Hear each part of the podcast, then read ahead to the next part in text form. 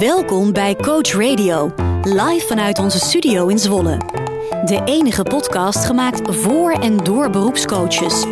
Vanuit de Nederlandse Orde van Beroepscoaches, kortweg NOPCO, bieden we je op dit kanaal alle relevante informatie over coaching. Stuur jouw tips en vragen in via podcast.nopco.nl. En voor nu, welkom bij Coach Radio.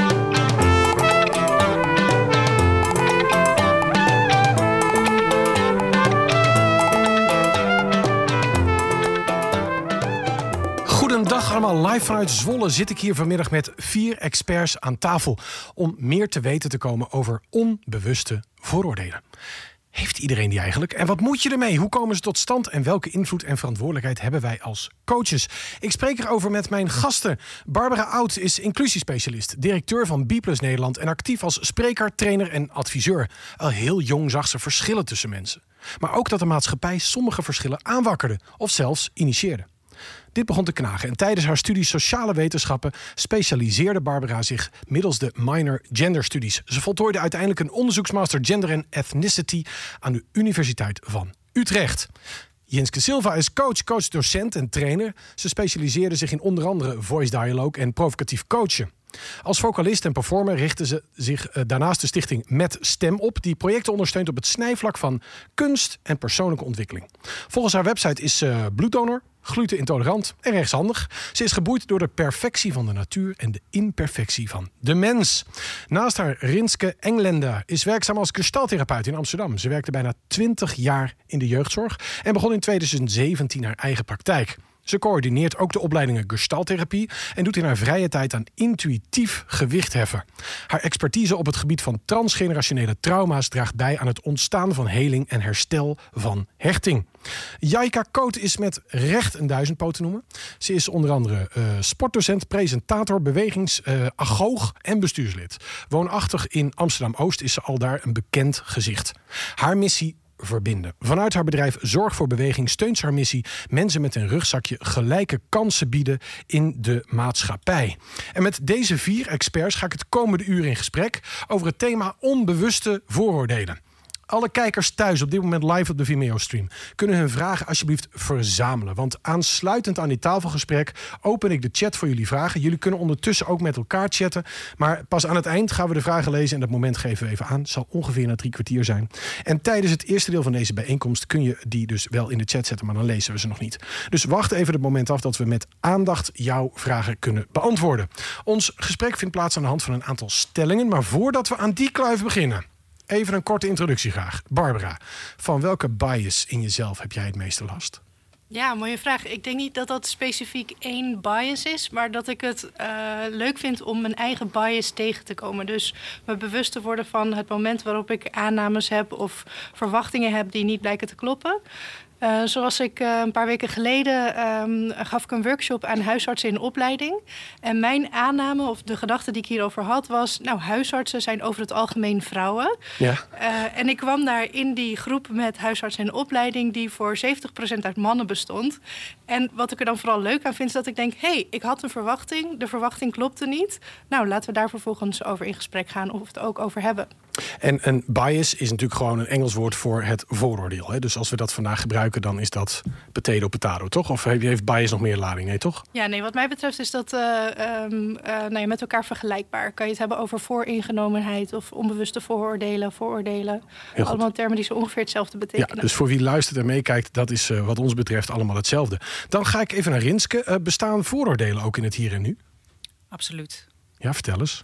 Um, nou, wij zitten hier nu in een soort studio en uh, dat vind ik ook best wel een beetje spannend. Ja? Ja. Uh, in een situatie waar ik nooit ben geweest eerder. Dus dat, dat brengt voor mij ook verwachtingen met zich mee over wat we hier nu gaan doen. En uh, ja, daar probeer ik altijd bewust van te zijn. En, en wat voor vooroordelen zitten er dan in? Uh, nou, wat we hier gaan doen bijvoorbeeld. Ja? Ja, en hoe dat dan, uh, dat het wel professioneel moet zijn natuurlijk ja. wat we zeggen. Dat we iets ja, uh, heel nuttigs misgaan, moeten natuurlijk. bijdragen. Ja. ja. Dus ja, daar probeer ik me dan bewust van te zijn Nou, daar gaan we meer over horen, want jij bent specialist op dat gebied. Hè, van in het hier en nu werken met dit soort thema's. Uh, vlieg ik ondertussen eventjes naar Jaika. En dan ga ik jullie daarna vragen, want we hadden stiekem geoefend met de knopjes aanzetten. Maar uh, dat gaan jullie vanaf na deze schakel mogen jullie dat zelf gaan doen. Zullen we dat afspreken? Uh, Jaika, wat heb jij gedaan om te werken aan je eigen vooroordelen? Nou, ik denk sowieso in de eerste instantie me er heel erg bewust van zijn. Want wat uh, Rinske eigenlijk ook al zegt, weet je wel, je hebt ze altijd, of je het nou wil of niet. Maar ze erkennen en daar bewust van zijn. En dan ook te beslissen aan de hand van dat, hoe je daarnaar gaat handelen. Ja, uh, ja dat, dat is hoe ik daarmee omga. Oké, okay, heel goed. Jenske? Hoe zorg jij dat coaches die opleidt zich bewust zijn van hun vooroordelen? Want jij bent coach-docent, dus jij traint al die mensen die dit vak binnengaan. Ben je, ben je dan heel bewust mee bezig? Ja, absoluut. Ja. Dat is denk ik ook wel een groot deel, bewustwording en verantwoordelijkheid, een groot deel van de opleiding.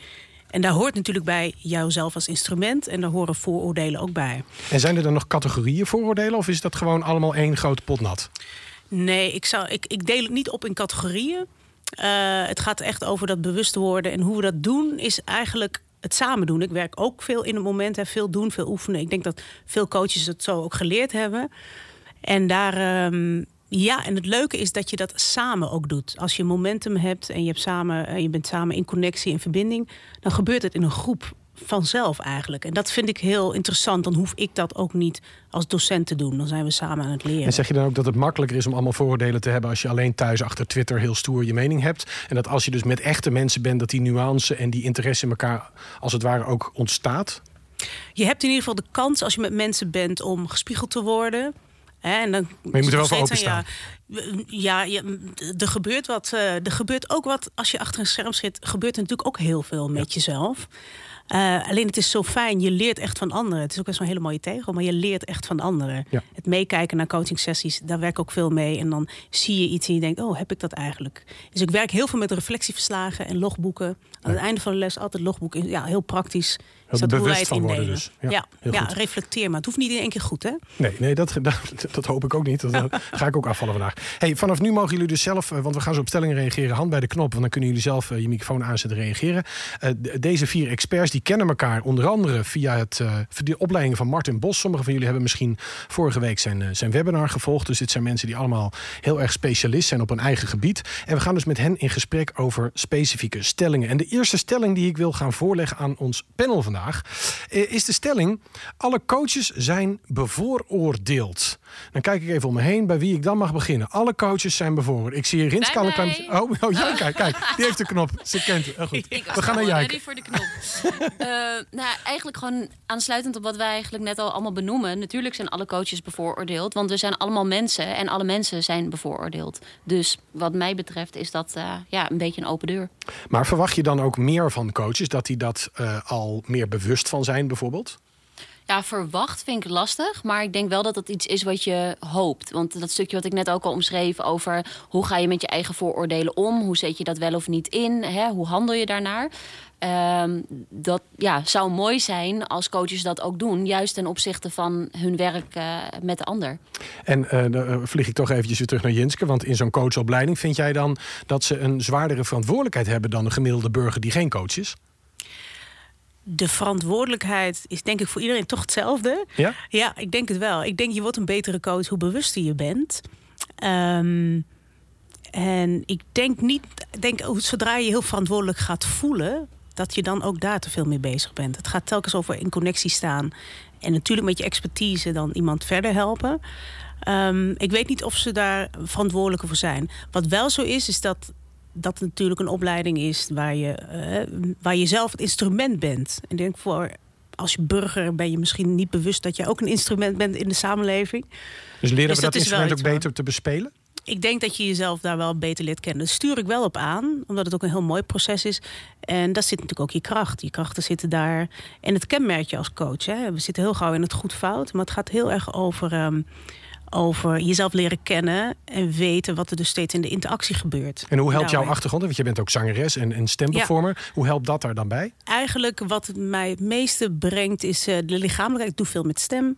Um, lichamelijkheid en dat het meer is dan een cognitieve bezigheid. Dus het, het is altijd mooi om te zien mensen die net beginnen om je gevoel te leren kennen. Wat het betekent dat er iets met je doet. Hè? Luister naar jezelf.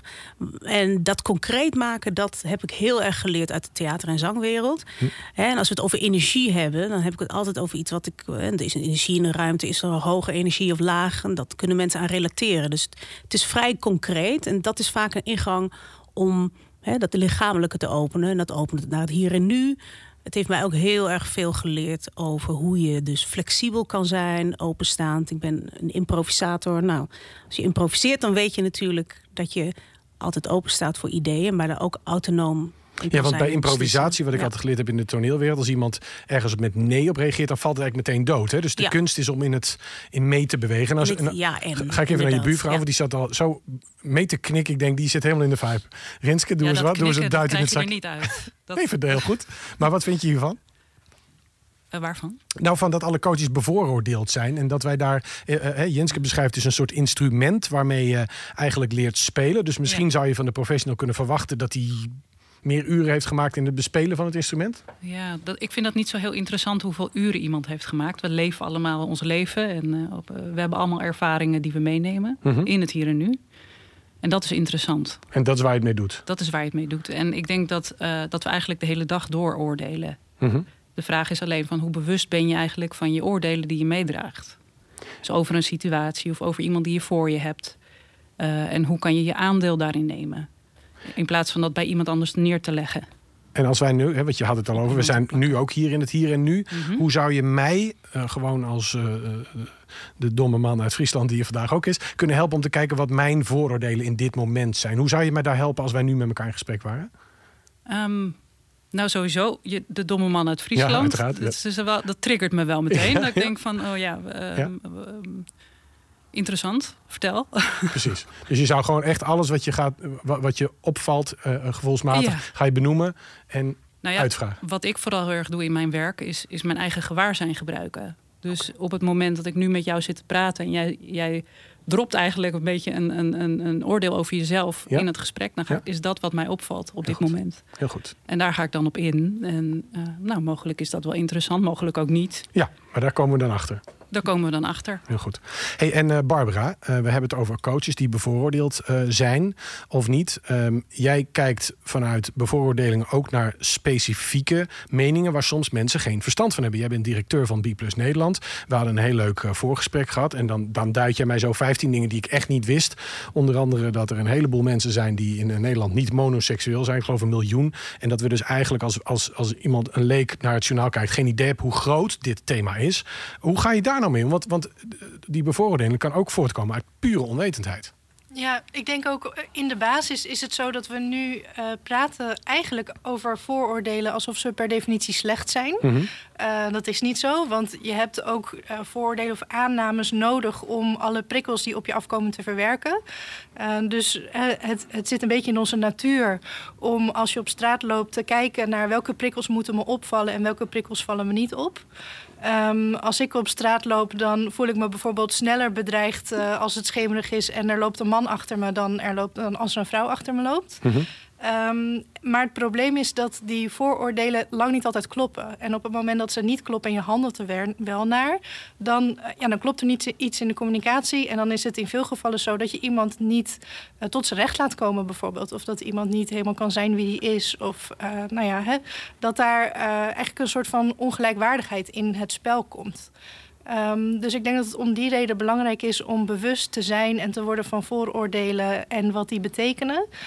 Uh, en als ik kijk naar, specifiek naar B-plus mensen, dus mensen die op meer dan één gender vallen, die niet monoseksueel zijn, je zei het net al heel mooi, um, uh, dan weten we dat er over die mensen heel veel stereotypes zijn. Dus ook vooroordelen over hoe B-plus mensen zijn.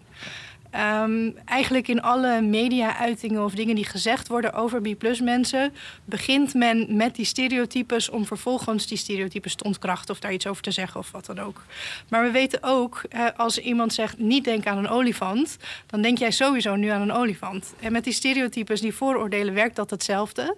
Uh, dus op het moment dat we ze eerst benoemen om ze vervolgens te ontkrachten, dan weten we dat de benoeming blijft hangen en de ontkrachting daarvan niet. Dus uh, uh, we moeten ons bewust worden van die vooroordelen. Willen we meer gelijkwaardig met elkaar omgaan? Willen we respectvol en goed met elkaar omgaan? Uh, we moeten vooroordelen zien en vervolgens checken. En ook in sommige gevallen niet per se stereotypes vooroordelen blijven benoemen, want dat is ten nadele van bepaalde groepen. En nou is dit een onderdeel waarvan je zou kunnen zeggen: dit is heel erg gerelateerd op onze vrije wil en dat we hier als professional aan kunnen en zouden moeten willen werken. Dat we met elkaar interesse hebben. Maar je duidt al even, je loopt over straat en hebben het over angst. Stel iemand is ooit aangevallen door iemand in een blauwe regenjas, dan werkt ons systeem zo dat we voortaan extra op ons hoede zijn voor iemand in een blauwe regenjas. Hoe ga je om met vooroordelen die voortkomen uit angst? Uh, ik denk dat, dat soms is angst heel reëel. Mhm. Ehm, maar dat betekent niet dat je de rest van je leven niet meer kunt praten met mensen die een blauwe regenjas aan hebben. Exact. Dus het is ook, ook nou ja, voor jezelf en voor de ander het beste als je wel checkt: uh, is deze persoon in de blauwe regenjas ook gevaarlijk voor mij? Of eigenlijk niet? En kan ik dan mijn oordeel bijstellen? Helder. Hey, dan zou ik met jullie welnemen, ook gezien de tijd, door willen naar de volgende stelling. En dat is stelling 2. Uh, Jenske klikt er, dus die is straks als eerste aan de beurt. Even kijken, de, de eerste stelling. Even kijken wat die is dan. Ja, nou die ga ik voorlezen. Ik ga je helpen. Uh, de, de volgende stelling is: Mijn bias, mijn vooroordeel, is eigenlijk nooit relevant voor de cliënt. Nou, mevrouw de co-assistent, dit is een beste kluif. Waag je daar eens aan? Zal ik gewoon een heel makkelijk ja of nee antwoord geven? Dat weet ik niet ja. maar wat komt er in je op? Mijn even nog een keer hoor. Mijn bias is nooit relevant voor de cliënt. Nou, dus dat lijkt me niet. Dat het altijd het nu, is. nu wordt het een dubbele ontkenning. Ja, nooit, nooit. Is altijd. Nee, maar even, hè, niet altijd. Dat is natuurlijk genuanceerd. De vraag die je zou... Hier, want we hebben stellingen gemaakt. onder, laten, we de, laten we hem even openmaken. Uh, wanneer is een bias die ik heb wel relevant voor de cliënt?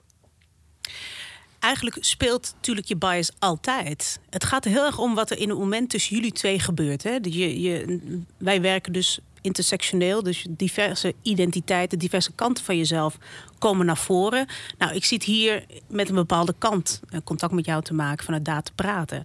Daar hoort natuurlijk ook een rijtje vooroordelen bij, et cetera. Mhm. Dus eigenlijk wat er opkomt en wat relevant is voor het proces waarin we zitten, dat is eigenlijk wat belangrijk is. En het mooie is aan coachwerk, vind ik, dat wat er in je opkomt, daar heb je natuurlijk ook keuzes in. Hè? We hebben het ook in het voorgesprek over gehad.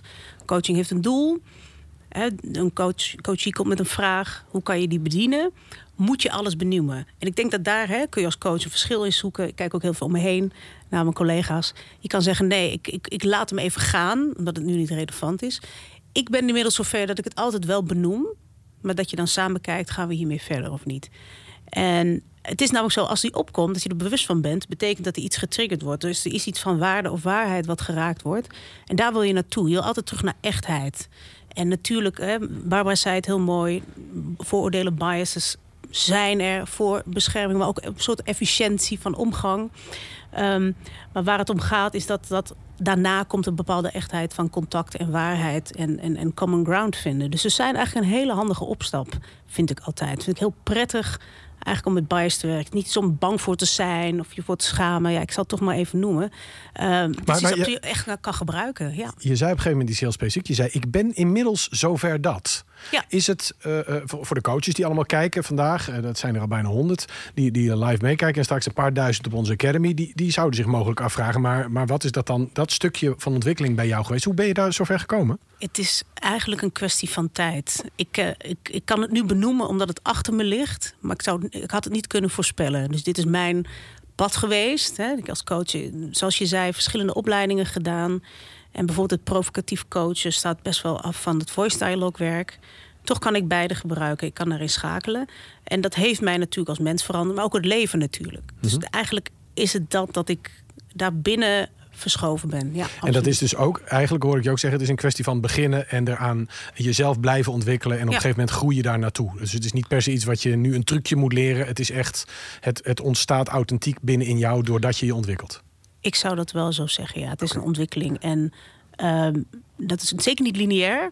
En je kan uiteraard natuurlijk ook meteen, hè, het is net als het boeddhisme en, en verlicht Ja, worden. ja. Hè, de, Dat willen we de- allemaal. De Boeddha zei, eh, je kan in een turn of a leaf kan je, kan je verlicht raken. Het is niet dat je daar 50 jaar voor hoeft te mediteren. Het Nee. gegeven is wanneer eh, gebeurt het. Maar even een uitstapje, want dat is ook een van de dingen die me gevormd heeft dan. Heel goed. Heel goed. Ja. Ik zag Jaika heel enthousiast en sprankelend eh, mijn kant op kijken. Dus die gaat vast een aanvulling geven. Ik, eh, nou ja, ja, ja, aanvulling. Ik denk ook heel erg waar het bij ons bijvoorbeeld in ons werk heel erg om gaat. En waar we elkaar eigenlijk continu in blijven vinden. Is dat we ook zeggen: het gaat om een stukje echtheid. Om een stukje mogen zijn. En jij benoemt bijvoorbeeld nu net iets over hè, het trucje. Of leer je dan iets.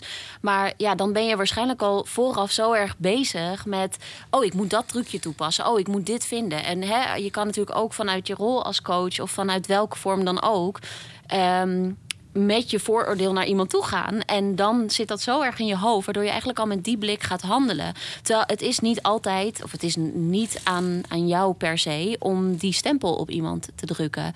En als je dat wel al doet, dan ja, ontneem je eigenlijk ook heel erg veel in de, de spontane, oprechte ontmoeting om samen uit te gaan zoeken van hé, hey, welke vragen liggen hier nu? Met wat gaan we samen werken?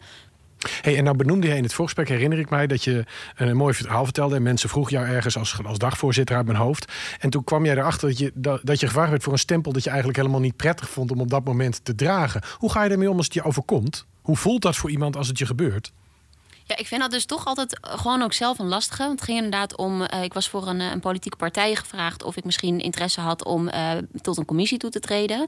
En nou, ik heb twee hele leuke gesprekken gehad. Maar het tweede gesprek voelde inderdaad een beetje wrang. Want nou ja, het, het was heel erg zenden. En in die end van dat gesprek kwam er dus inderdaad ook naar voren van... ja, en je bent natuurlijk ook een vrouw. En je bent natuurlijk ook een vrouw van kleur. Dus dat kunnen we wel gebruiken. Oh ja. En toen dacht ik, ja, nou ja, dat ben ik inderdaad ook allebei. Maar het is aan mij persoonlijk om te bedenken of ik dat inzet en hoe ik dat inzet.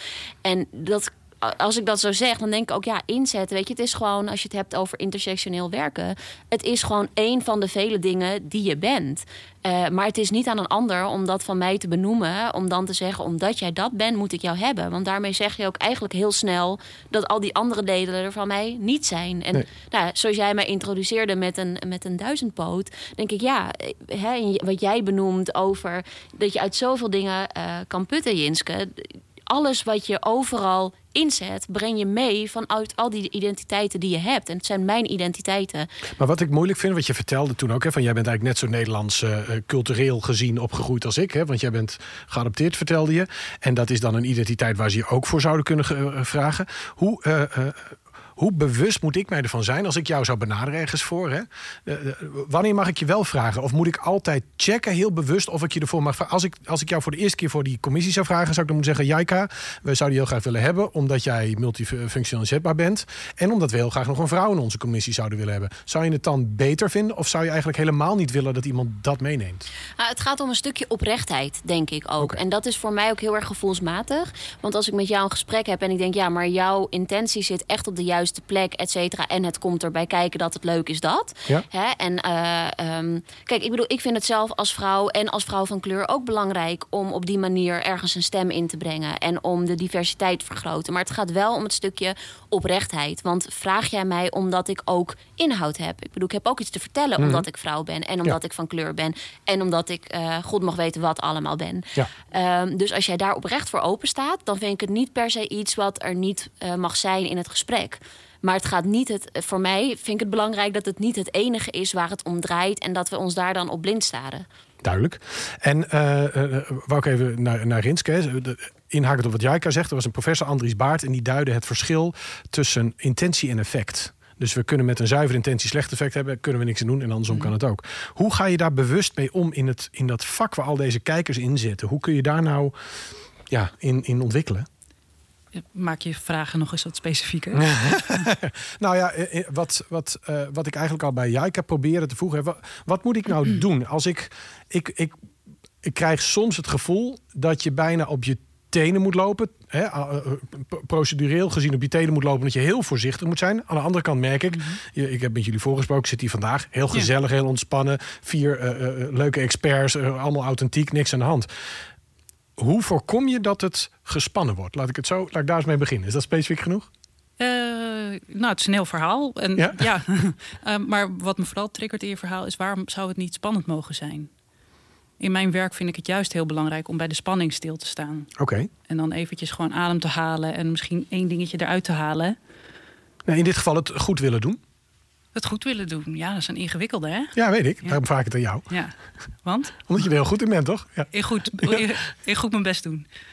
Nee, maar in, in, in eh, kennis hebben van wat het proces is wat Ja. hier nu speelt. Hè? Nee, Daar exact. Ja. exact. Maar, ja, sorry. Nee, dat is dus precies wat ik dan doe. Zoals nu. Hè? Ja. Dus eigenlijk stilstaan bij het moment en wat gebeurt er nu precies. Mhm. Dus ik ben heel erg gericht op de ervaring van mensen eh, en op, ik, op de vertraging. Dat is eigenlijk een van de dingen waar ik heel veel mee werk. En nou ben jij gespecialiseerd in transgenerationele eh, trauma's, onder andere. Dat is onder andere wat ik doe. Oh ja, sorry. Nou ja, Ja. ik las in elk geval sorry, eh, in, in de bios dat het een van de dingen is waar jij heel erg goed in bent geworden. Wat zijn dan eh, wat zijn eigenschappen van specifieke trauma's? Wat maakt het uniek? Eigenschappen van specifieke trauma's. Ehm, eigenschappen van specifieke trauma's. Wat maakt transgenerationele problematiek uniek? Ehm, nou, ik zou niet zeggen dat het per se uniek is. Oké. Maar is er, is er iets waarvan je zegt, nou je benoemt het in afloop op je eigen website, hè? Ja. Als iets, eh, dus wat, wat maakt dat het eh, eh, bijzonder is voor de mensen die ermee te maken hebben? Laten we het. Nou ja, ik denk dat er, dat er heel veel mensen zijn die daar zi- zich misschien wel in kunnen herkennen. Ja. Dat, dat je vanuit je vorige generaties allerlei dingen meeneemt. Mhm. Sowieso door het gedrag van je ouders waar je mee opgroeit. Maar ook de generaties daarvoor. Is er oorlog geweest in je familie? Ben je uit een ander land gekomen? Eh, zo kunnen er allerlei redenen zijn om, eh, om ergens mee te lopen. En speelt dat cultureel ook? Hebben we dat niet ook allemaal? Ik bedoel, Ja, ik heb het ook te doen met mijn ouders. Zeker. En, en hoe word je. Wiens rol is het eigenlijk om daar bewust van te worden? Is dat mijn verantwoordelijkheid? Ehm, nou ja, ik een beetje, sluit me een beetje aan bij wat Jinske net zei. Ik denk dat iedereen een, een verantwoordelijkheid heeft als mens om eh, bij zichzelf te raden te gaan. eh, wat gebeurt er nou precies tussen mij en die ander? Mhm. En, en wat voor dingen zijn er in mijn verleden gebeurd? Wat is er in mijn achtergrond wat in het hier en nu om aandacht vraagt? En zo ontmoet je elkaar constant en vorm je samen eigenlijk de, de, de werkelijkheid. Oké, Dan neem je allebei je verhaal in mee. helder. Ja. Eh, Barbara, jij hebt een stichting opgericht om mensen meer bewust te maken. Een van de dingen is dat je onder andere een community-ontwikkeling maakt met B Nederland onder andere. Waarbij je dus mensen verbindt die misschien niet altijd aan de, aan de goede kant van de, van de, eh, eh, eh, van de gesprekken, hè, dus die, die daar last van hebben of die last hebben van de vooroordelen. Hoe helpt zo'n community dan eigenlijk? Ehm, ik denk dat, dat het voor heel veel groepen belangrijk is om een safe space te hebben. En dat dat sowieso, ik denk dat als je, een, een, als je coach bent en je bent bezig met een traject, dan probeer je, hoop ik, om een veilige sfeer te creëren waarin jouw cliënt zichzelf kan zijn en waarin jullie met elkaar goed in gesprek kunnen gaan. Ehm, als we dat op een grotere schaal trekken, dan is het zeker voor groepen die eh, gemarginaliseerd worden, dus die op de een of andere manier buiten de norm vallen. Eh, vaak belangrijk om anderen tegen te komen die dezelfde ervaring hebben. En door de tijd heen zien we dat op verschillende kenmerken. Dus we zien bijvoorbeeld dat in het verleden eh, op een gegeven moment mensen van kleur elkaar opzochten, omdat je een bepaalde gedeelde ervaring hebt. En als je die ervaring hebt, dan kun je het eh, nou ja, vanuit dat startpunt met elkaar praten, zonder dat je eerst die ervaring hoeft uit te leggen. En eerst moet proberen om de ander te laten begrijpen wat die ervaring dan betekent. Uh, dus dat geldt in, door de tijd heen voor mensen van kleur, voor LHBTI-mensen, voor alle mensen die eigenlijk van de norm afwijken. Uh, tegelijkertijd is mijn standpunt echt dat diversiteit de norm moet worden. Dus wat betekent dan van de norm afwijken? Maar op dit moment zien we echt dat er bepaalde groepen op bepaalde punten van hun identiteit privileges hebben en bepaalde groepen die dat niet hebben. Een voorbeeld daarvan is B mensen die tegen de monoseksuele norm aanlopen, de norm dat je op één gender valt. Um, en, en om die reden is het heel prettig om andere mensen tegen te komen die ook B zijn. Zodat je dat al als startpunt hebt en dat niet eerst hoeft uit te leggen voordat je met elkaar in gesprek kan gaan. En het dan kan hebben over, nou, hoe doe jij dat in je relatie? Uh, spreken jullie daarover? Hoe, uh, hoe richt je dit voor jezelf in? Heb je het hierover met je kinderen? Kan je erover op je werk praten? Uh, en als je die ervaringen kan delen, dan kan dat mensen sterken om uh, nou ja, zich beter te voelen of meer zelfverzekerd te zijn of meer open te zijn naar buiten. Dat heeft allemaal voordelen. Dus wat je eigenlijk zoekt, net als in je gezinssituatie, is een soort onvoorwaardelijke acceptatie van andere mensen waarvanuit je de relatie gaat bouwen. En dat we dus met z'n allen moeten kijken of we die onvoorwaardelijkheid kunnen vinden bij elkaar. En ik weet niet of onvoorwaardelijkheid het goede woord is, maar in ieder geval zoek je naar een veilige ruimte om de wereld vanuit te ontdekken. Mhm. En die veilige ruimte, die, een echt veilige ruimte bestaat niet. Want ik heb daar een ander idee van eh, eh, dan jij en dan, dan de rest hier aan tafel. Dus we kunnen hem altijd alleen maar veiliger maken dan de buitenwereld is. In bijvoorbeeld eh, het gesprek op een feestje is. Mhm. Maar door bewust met elkaar in te zetten op laten we deze plek zo veilig mogelijk maken, kunnen we het gesprek zo goed mogelijk voeren. Dus ook weer die intentie waar we het net al over hadden. Ja, dat is de zuivere basis van wat we doen. Eh, volgende stelling, dames. Eh, de- stelling drie. Een professionele coach twijfelt niet. Nou, ik kijk meteen naar Jenske, omdat hij natuurlijk... Ja, ik zit, je zit toch een beetje in die hoek. Nou, Sorry daarvoor, want Nee, dit is het ook weer een vooroordeel van ik, mij. Maar... ik, ik wilde ook het woord nemen, want ik, wil dan, ik vond hem heel goed aanhaken bij wat jij vertelt, Barbara. Als het gaat over hè, een veilige ruimte, het is een proces. En dat is diversiteit en inclusie. Het zijn natuurlijk woorden die nu heel erg aanwezig zijn, dus ik gebruik ze even. Intersectionaliteit, het is een proces. Het is geen eindstadium wat je haalt of een goed of fout. En daar hoort twijfel bij. Twijfel is natuurlijk fantastisch als dat gebeurt. Ehm, want daar zit de groei voor jezelf en de ander. En dan kom je echt, dan kom je echt verder. Dus ehm, het tegenovergestelde van alleen maar twijfelen lijkt me natuurlijk ook niet bruikbaar. Maar is het eng om te twijfelen als je, als je, als je Het is best, het- ik denk dat het voor veel mensen eng kan zijn om te twijfelen.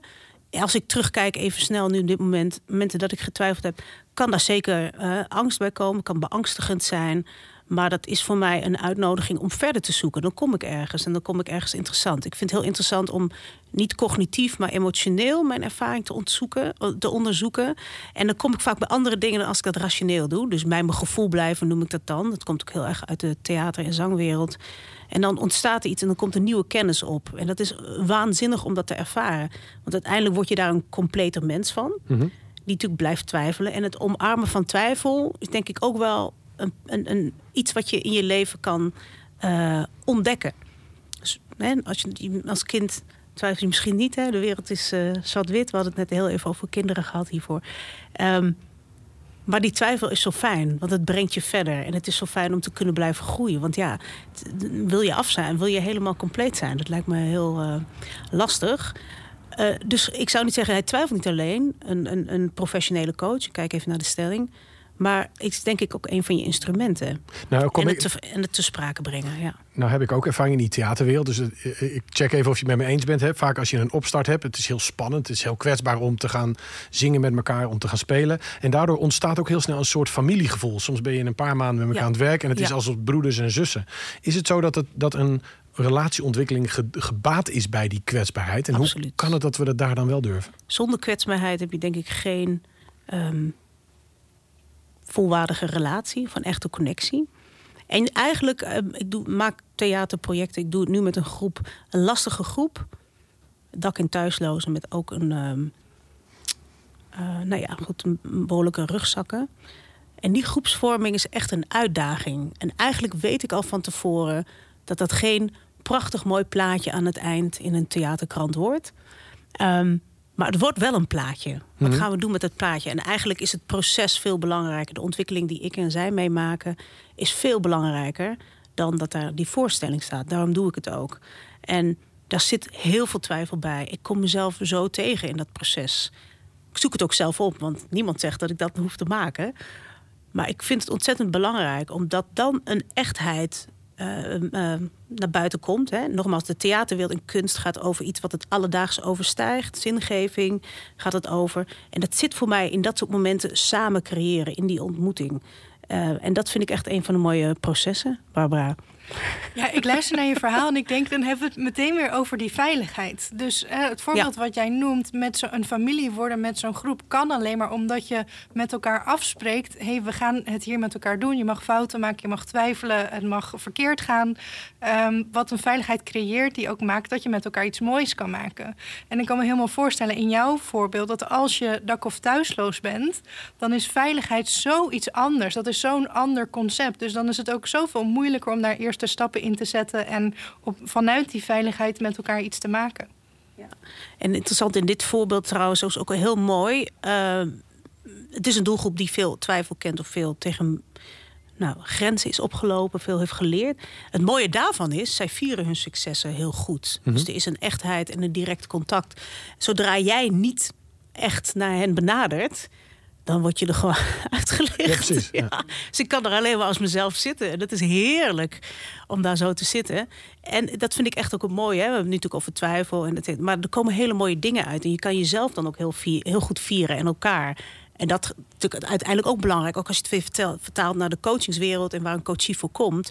Ook dat kunnen omarmen van succes of het mooie in jezelf is natuurlijk ook heel bekrachtigend. En dat wil je natuurlijk ook dat gebeurt. Hè?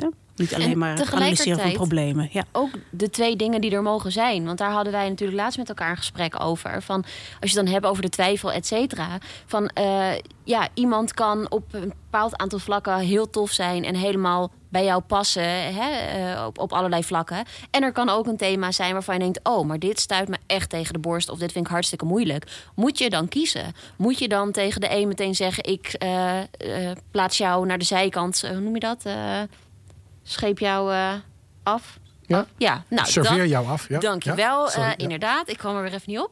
Maar moet je dan dat zeggen? Of ga je zeggen, hé, hey, maar ik merk dat jij deze kant laat zien... en deze kant laat zien en die en die en die. En dat vormt allemaal een geheel. En daarin hoef ik niet meteen te zeggen dat... omdat dat ene thema er is, ik jou meteen ja, moet afserveren. En dat, dat doet me ook aan deze dingen, dingen die jij eh, zegt, denken. En nou, nou eh, hoor ik eh, jullie hierover praten. En Barbara net ook zeggen, we hebben één veilige ruimte nodig met z'n allen. Wat voor mij logisch klinkt en gevoelsmatig heel goed. Wat ik dan spannend vind, als ik even terugdenk in de politiek van de afgelopen maanden, dan, dan heb je zo'n eh, een, eh, een comedy special van Dave Chappelle bijvoorbeeld, een man op Netflix.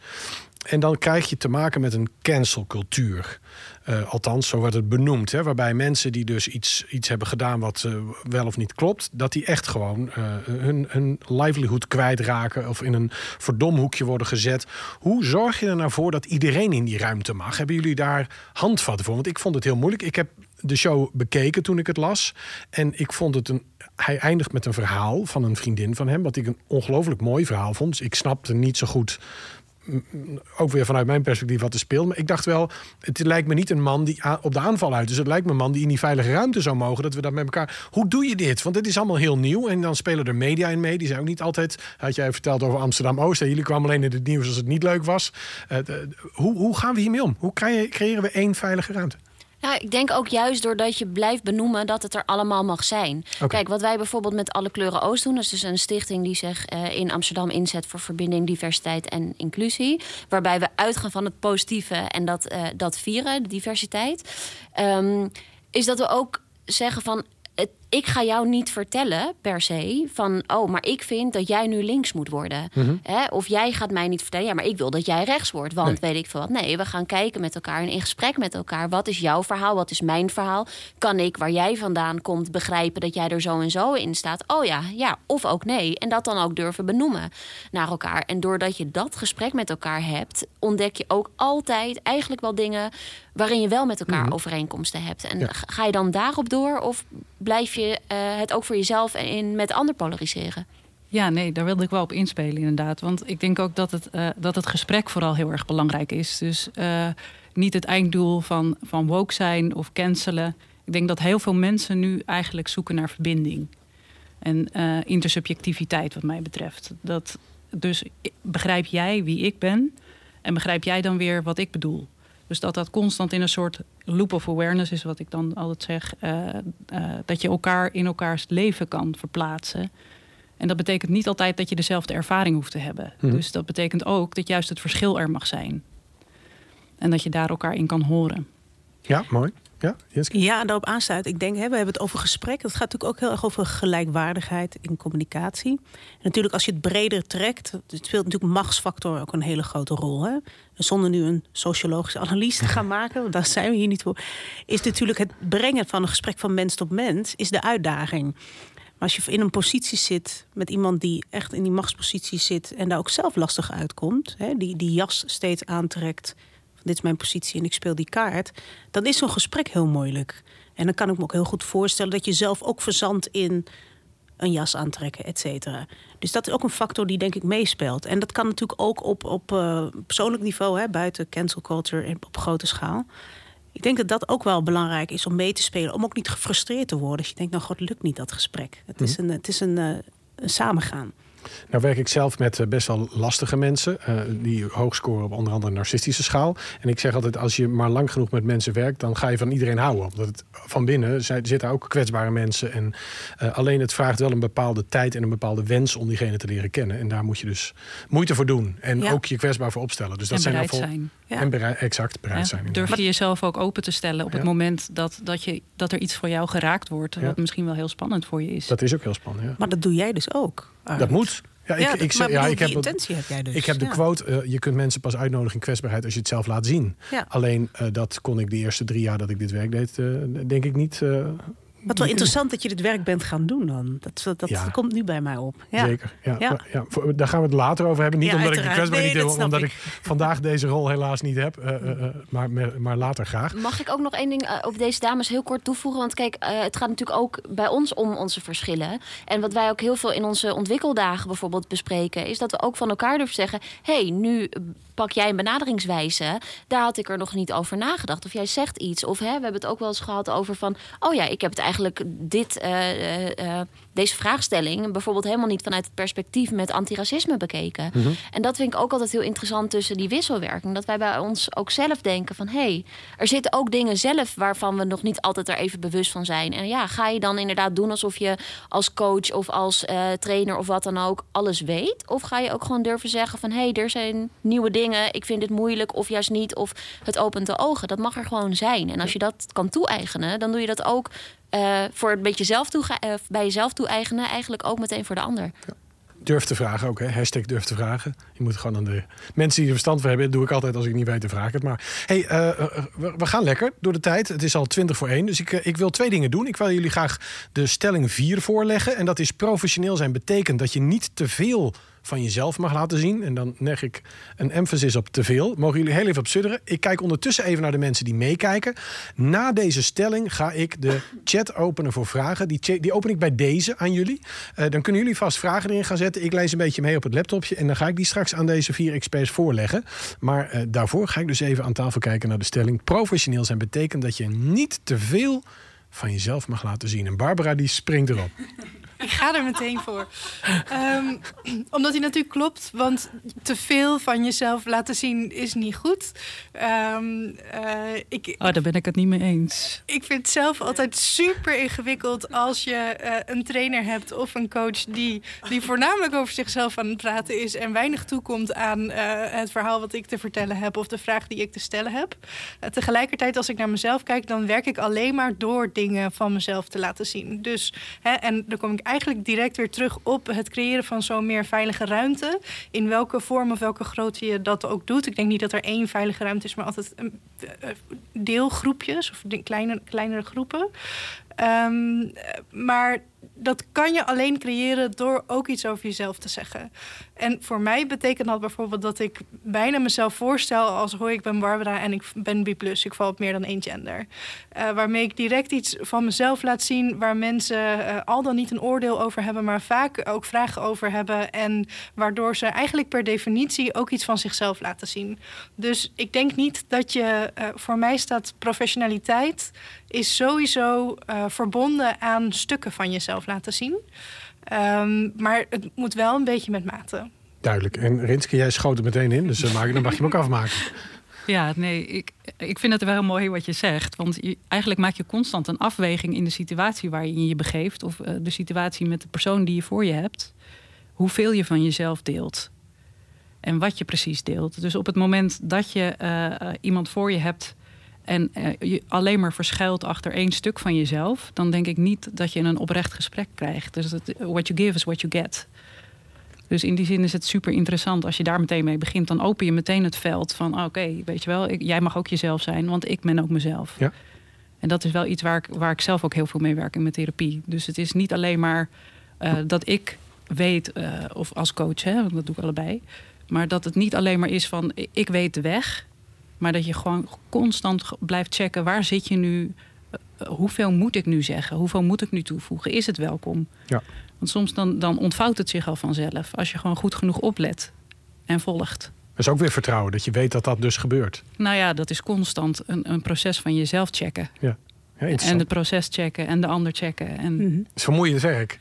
Nee, Nee. het geeft energie. Oké, wat. Ja. Ik denk dat, dat het energie vraagt op het moment dat je een masker op moet zetten. Ja. En dat je daarachter verschuilt. Mhm. En, eh, Is dat de flow waar sommige mensen het wel eens over schrijven? Dat je in een bepaald... ja, ik word daar een beetje we- ja, ik zie het in mijn teken. Ik heb het zo... Ei. Nee, nee, ja. Flow, ik weet helemaal wat het is en ik herken het als ik erin zit. Ja? Ehm, maar dat heeft, ja, ik noem het geen flow. Ik noem het gewoon eh, lekker bij mezelf zijn en eh, dat authentieke. Ja, en ik wil daarop inhaken als het kan. Want ik denk, hoe ik dit vertaal, het komt ook uit theater, je gaat het over present, aanwezig zijn. Als je volledig aanwezig bent, is dat heel prettig. Ja. Nou, daar kunnen we ons allemaal iets bij voorstellen. En ik wil nog op de stelling een nuancering aanbrengen, want het gaat over je- jezelf eh, laten zien. En dat betekent niet altijd eh, jezelf uitdrukken of het vertellen. Maar aanwezig zijn als jezelf kan ook heel prettig zijn om de groep te ondersteunen. Dus je merkt meteen als iemand in de groep afwezig is. En daar, dat is eigenlijk ook al heel erg belangrijk. Dus zo kan je je hele leven doorgaan. Hè? Zo kun je ook naar de supermarkt, bij wijze van spreken. Ja. Ja, want het is ook Maar die nuancering wou ik interessant. even nog Als je- aangeven. Inderdaad, Ja. als je niks zegt, kan je ook meedoen. Hè? ja, je doet altijd Dus- mee. Dus je kiest er eigenlijk voor om niet mee te doen. Iemand zei ook eh, tegen mij van je kan ook een boek lezen. Of eh, je kan ook meepraten over een boek als je hem niet gelezen hebt. En dat Hmm. was voor mij eigenlijk wel een soort van eye-opener. Dat ik dacht, oh, je kan ook gewoon het gesprek voeren over iets waar je niet per se de expert in bent. En Maar ik denk ja. ook met al dit soort dingen, wat altijd gewoon terugkomt, voor mij persoonlijk ook, is het stukje echtheid. Eh, kan je dat laten zien? Durf je die kwetsbaarheid bij jezelf ook te laten zien? Eh, ik, ik had een keer, ik moest optreden op een podium en nou letterlijk eh 30 seconden voordat ik op moest, valt mijn headset van mijn hoofd, zit ik vast met, me, met mijn eten in mijn kleren. Ik ren naar boven, het kastje valt van mijn broek af. Nou, noem het maar op. En ik moest op. En dacht ik, ja, weet je, dit is nu gewoon dus wat er aan de hand is. Ik kan nu een soort van gaan proberen om dit heel netjes weg te poetsen.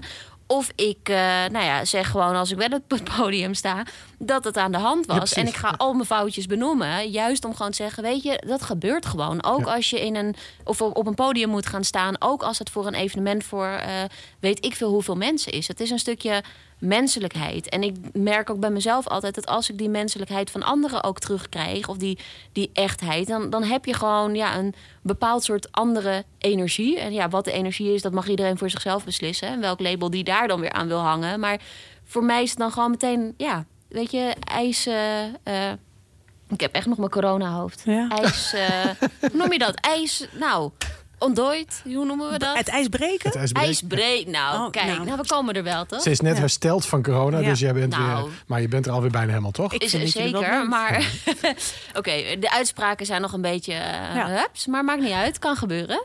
Nog een korte aanvulling op, op wat hier gezegd wordt. Het mooie is ook, hè, de uitnodiging is dus jezelf zijn, et cetera. et cetera. Ik kan me ook goed voorstellen dat het eh, angstig is, dat mensen niet weten hoe dat moet. Maar de uitnodiging is die, hoe meer in je eigen verhaal staat, hoe meer je eigen verhaal er is, hoe minder last je ook hebt met je vooroordelen of je oordelen over die identiteit van de ander. En dat, is is, een prachtig, en ja. dat is een prachtig proces. Dat is eigenlijk het, de kern van Maartens werk. We hadden Ja. het over Maarten, waar wij natuurlijk allemaal door zijn opgeleid. Martin Bos, dames en heren, voor wie iets later Ja. is ingeschakeld... die staat met een webinar binnenkort op de Academy. Ja? Ja. Ehm, dat, is, dat is een hele fijne uitnodiging. Een heel prettig moment als je daar bent. Dus het grijze midden wat we vaak zoeken. Ik zoek overeenkomst. Dat betekent niet per se een identiteit. Dat die hetzelfde moeten zijn. Ik ben eh, fysieke man. Ik identificeer me als eh, sorry, een vrouw. Ik identificeer me als vrouw. Ik weet niet hoe het voelt om een man te zijn.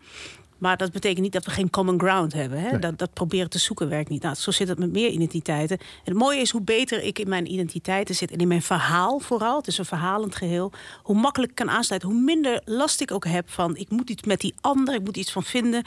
Want daaronder zit eigenlijk die zoektocht om compleet te zijn en jezelf te zijn. Dus dat vind ik wel nog even aanvullen. Super. Nou, eh, eh, ook weer vanwege de tijd. Ik heb de eerste vraag op de chat staan. Vinden jullie het ook spannend? Ik kijk even naar. Ja, ik zie een Het is beetje. leuk spannend. Ja, het is ook leuk. Ik heb een eerste vraag en die is van Martin Heijnen. Mijn eh, zorg is dat het streven naar meer veiligheid en safe spaces mensen ook minder weerbaar kan maken. Begeleiden jullie mensen ook naar meer weerbaarheid? En zo ja, hoe? Ja, Barbara, Ik die zie de straalt op meteen. mij. Nee, ja, nee. Ik keek rond. Ik keek rond, maar jij begon wel meteen te glimmen. Let's ja. go! Ik denk dat het altijd, ehm, eh, dat het altijd allebei moet. Dus dat je aan de ene kant voor mensen een veilige plek moet creëren om eh, zichzelf te zijn, om met andere ervaringen te delen. En dat aan de andere kant, en dat, dit is ook wat de emancipatie is. Als ik bijvoorbeeld dan uh, aan B-plus mensen denk en aan het meer inclusief maken van Nederland voor specifiek B-plus mensen, maar dat kan je op ieder thema doen, dan gaat dat deels over um, de samenleving moet veranderen. Er moet meer ruimte gemaakt worden voor die mensen die B+ zijn, of welk kenmerk je dan ook uitlicht. En tegelijkertijd moeten die mensen die B+ zijn ook zeggen: hé, hey, ik ben hier, dit is mijn plek, ik mag hier zijn. En daarvoor heb je uh, zelfvertrouwen nodig en, en, weerbaarheid en alles wat daarbij hoort. Dus ik denk dat je altijd, uh, wat, wat voor ons bijvoorbeeld als organisatie belangrijk is, op die verschillende punten in moet zetten. En uh, hij vroeg dan ook, hè, zo ja, het antwoord is dus ja, dat doen we ook. Hoe doe je dat? Ja, en dat gaat bijvoorbeeld dan specifiek op het trainen van mensen. Okay. Um, op assertiviteit? Het, wat het heel klein maakt. Wat, wat ook gewoon gaat over wat is er leuk aan je, aan je B-plus zijn. Wie ben je nog meer? Uh, welke deelidentiteiten heb je allemaal? Waar ben je zelfverzekerd over? Um, dus uh, ja, en, en het, het zit dus op verschillende niveaus. Dit is wat je kan doen met individuele groepen. Um, uh, en tegelijkertijd wil je ook bijvoorbeeld op maatschappelijk niveau uh, verandering teweeg brengen door iets te doen aan normen of wat er te zien is in de media of wat er, hoe er gepraat wordt of gesproken wordt over verschillende groepen. Heel goed. Renske die heeft de techniek helemaal gemasterd inmiddels. Ik was, ja. ja. Ja, nee, ik wou nog wat zeggen over weerbaarheid. Want uh, wat mij betreft zit het ook zo vast aan de kwetsbaarheid, zeg maar. Dus uh, uh, weerbaarheid, dat veronderstelt dat je je moet wapenen tegen iemand. En dat is natuurlijk in zichzelf wel hartstikke interessant.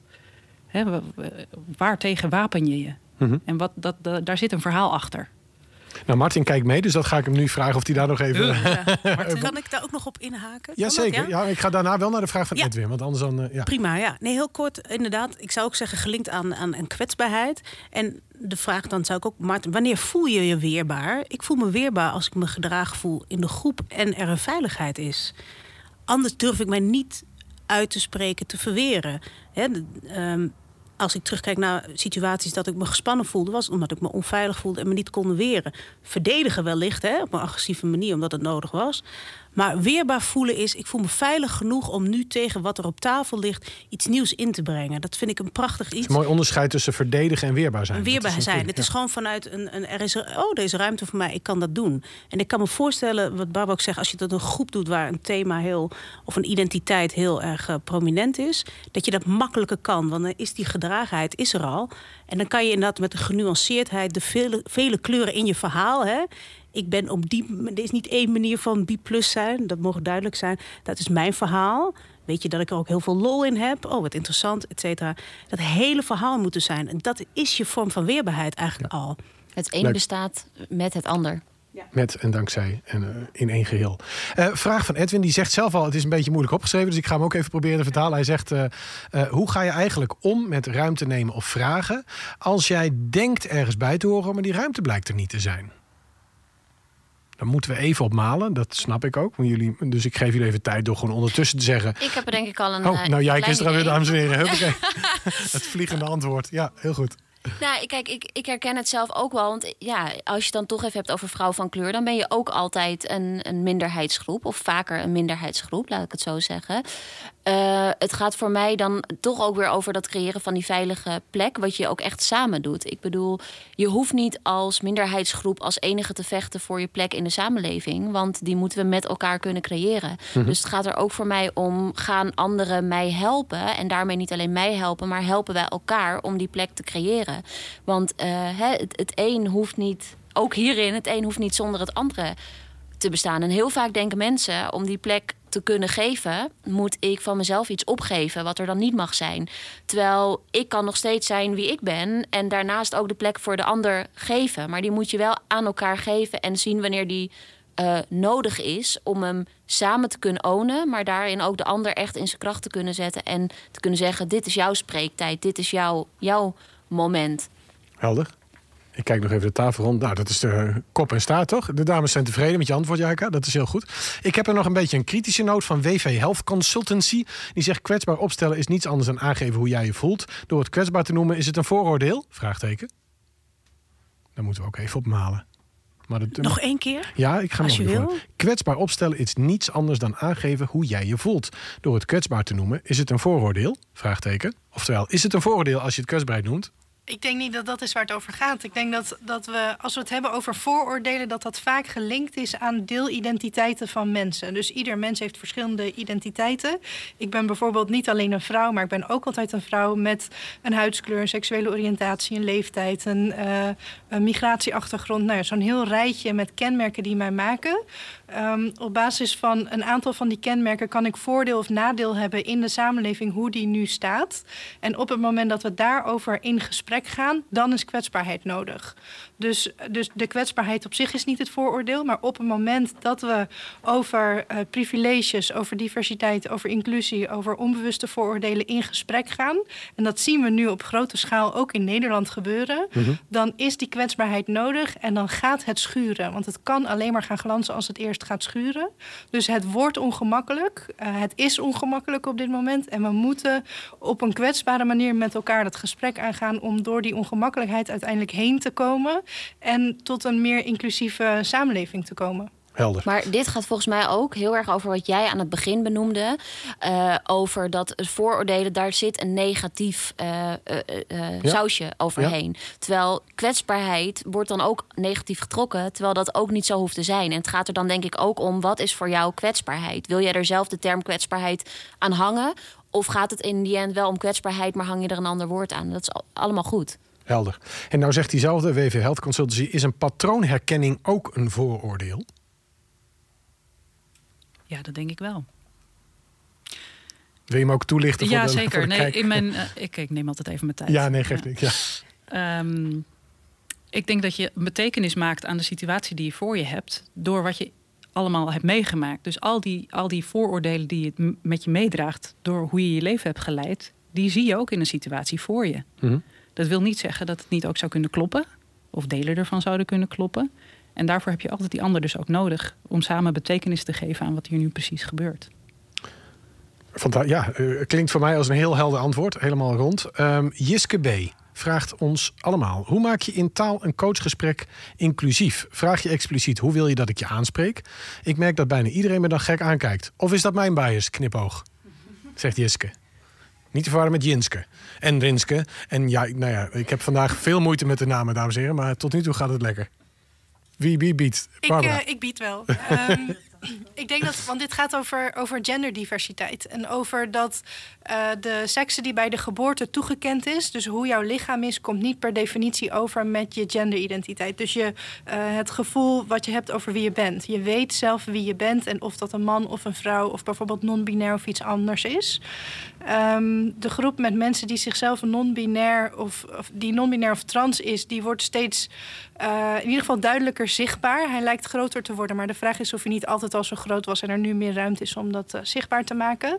En voor die groep mensen is het ontzettend relevant om te vragen hoe wil je aangesproken worden? Want ehm, ik doe bij jou de aanname Arvid, dat je met hij of hem aangesproken wil worden, maar wie weet klopt dat voor jou helemaal niet en wil je liever met zij en haar a- aangesproken worden of met hen en hun? Ehm, op dit moment komt daar meer ruimte voor. Ik denk dat het heel belangrijk is om mensen die ruimte te geven. Tegelijkertijd is het zo dat dit voor niet iedereen relevant is en dat mensen je best gek aan kunnen kijken op het moment dat je die vraag stelt. Maar ik denk dat zeker als coach dat als je ook maar een klein beetje indicatie hebt dat de vraag relevant is, dat het echt de moeite waard is om hem te stellen. En, ehm, Maar dan hadden wij even, even eh, wij hadden een voorgesprek met, op Zoom met z'n allen. Nou heb ik het niet aan jullie gevraagd en jullie hebben het niet aan mij gevraagd. Ik las de bio's op de opkost, stond bij jou, zij, haar. Hè, achter jouw naam stond dat dan, dus dat wist ik. Maar ik spreek jullie wel aan met dames. Wij hebben het eigenlijk ook niet bewust aan elkaar gevraagd. Is dat omdat we ook aanvoelen dat het oké is? Of had ik het alsnog moeten vragen bijvoorbeeld? ik denk zeker dat een woord als dames, eh, dat je daarover na kan Dat is al niet goed. Nee, nee, heel goed. Ja, nee, ja. Hey, Eens. ik leer elke seconde. Heel goed. Hoe had ik het wel moeten doen? En, eh, dat je, je kan heel makkelijk mensen zeggen. Dus we zeggen heel vaak eh, beste dames en heren, maar je kan ook gewoon zeggen beste mensen. En als je een mail stuurt, dan als ik jou een mail stuur, dan kan ik die sturen naar eh, meneer met je achternaam. Ik weet het ja, even niet meer zeker. Meneer Buiten. Maar ik kan ook een mailtje sturen met beste A Buit of beste Arvid. Dus gewoon specifiek je naam noemen, van die, zonder aannames te doen over wat jouw voornaamwoorden zijn of hoe je graag aangesproken wil worden. En ik denk ook dat we in de samenleving veel te vaak genderen. Het is niet nodig om eh, in, ehm, in een mail naar jou eh, te genderen en te vertellen dat jij een meneer bent. Ehm, we moeten dat zoveel mogelijk weghalen, zoveel Ja. mogelijk genderneutraal maken. En als de situatie erom vraagt, expliciet vragen eh, hoe wil je aangesproken worden. Ja. Jiske kijkt me ook streng aan. Maar ik had al extra, ik had in mijn introtekst, ik zat dus, want dan ben ik dus bewust aan het schrijven. En denk ik, nee, ik noem het, het zijn de vier experts aan tafel. Ik ga niet. Dus, dus Dat als heb ik me er bewust horen zeggen, ja. Ja, dus als, Ja. Ik, nou, als ik me er bewust van ben, doe ik het wel. Maar ik merk dus dat ik dan een soort van leuk popiopie poging doe. En dan zeg ik Ja. wel dames. Dat is eigenlijk niet goed dus. Nou, eigenlijk dit gesprek hierover, wat we nu hebben, dat is de relevantie. En de vraag die Jiske stelt, leuke naam trouwens, Jiske. Voel je iedereen? Snapt de grap? Ja, oké. Zij Ehm, Jinske, dames en heren, voor wie het niet ja, gaat. Ja. Even, en dan Maak het maar en, ingewikkeld en, dan vooroordeel en zo. Ja. Ehm, eh, ik kan me voorstellen, ik weet het niet, het is een vraag aan jou, Jiske. Jij doet dat omdat er een bewustwording bij jou is.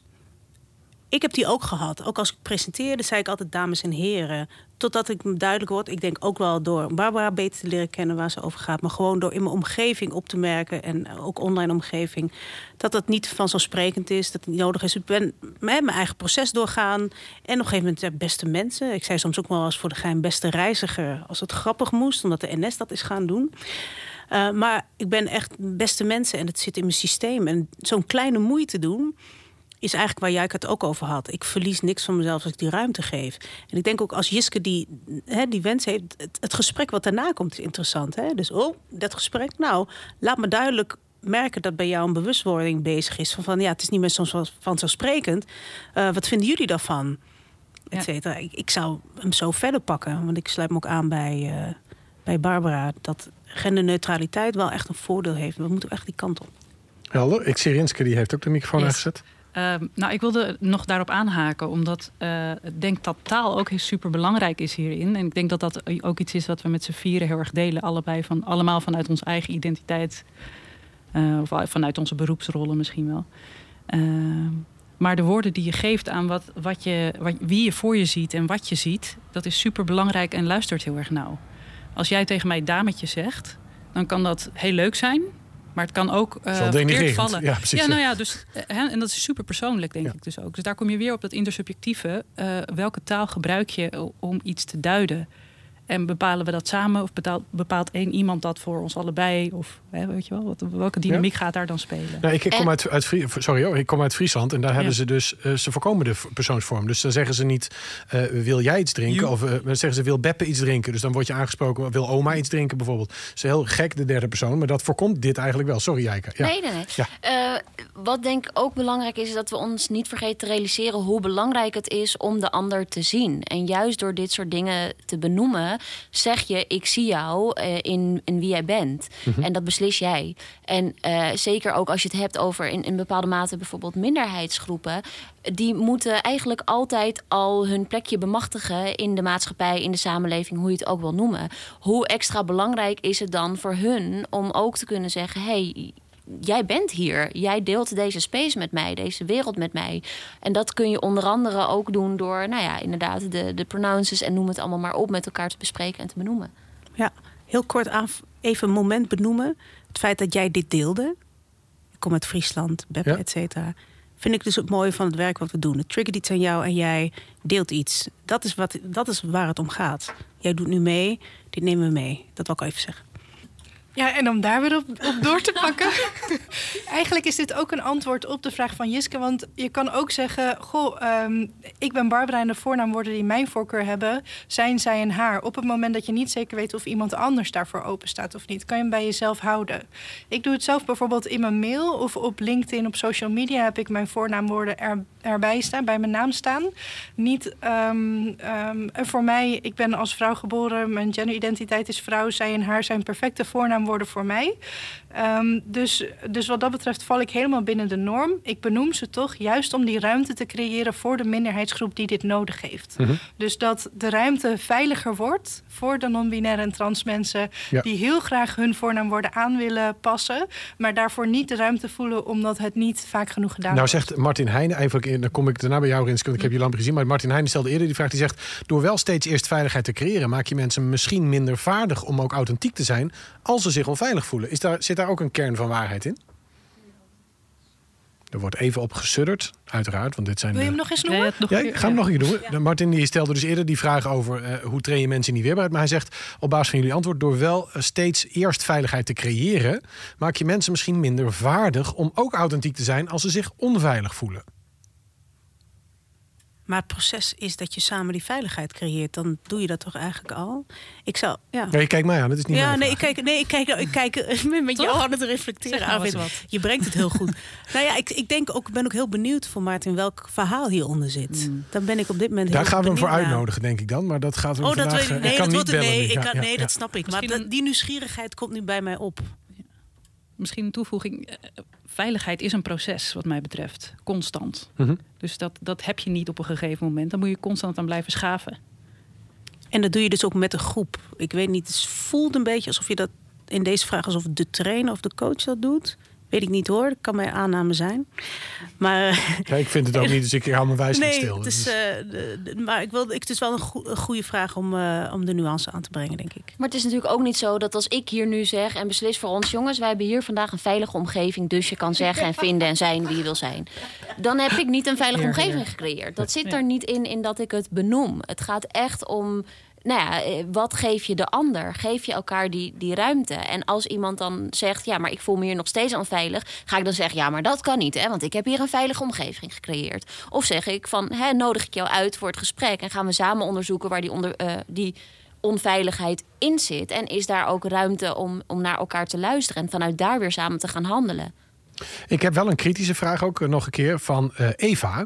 Ik merk dat ik hier moeite mee heb, omdat ik vanuit de beleefdheidsvorm altijd beste geachte heer mevrouw gebruik. Als iemand mij aanspreekt met beste E, dan voelt dat heel afstandelijk. Mijn vraag is dus eigenlijk: willen jullie dit naar de hele maatschappij zo communiceren of alleen naar een deel, zegt Eva. En daar zijn wat antwoorden op. En dan zegt iemand, even kijken hoor, ik probeer even volledig te zijn, ook voor de tijd.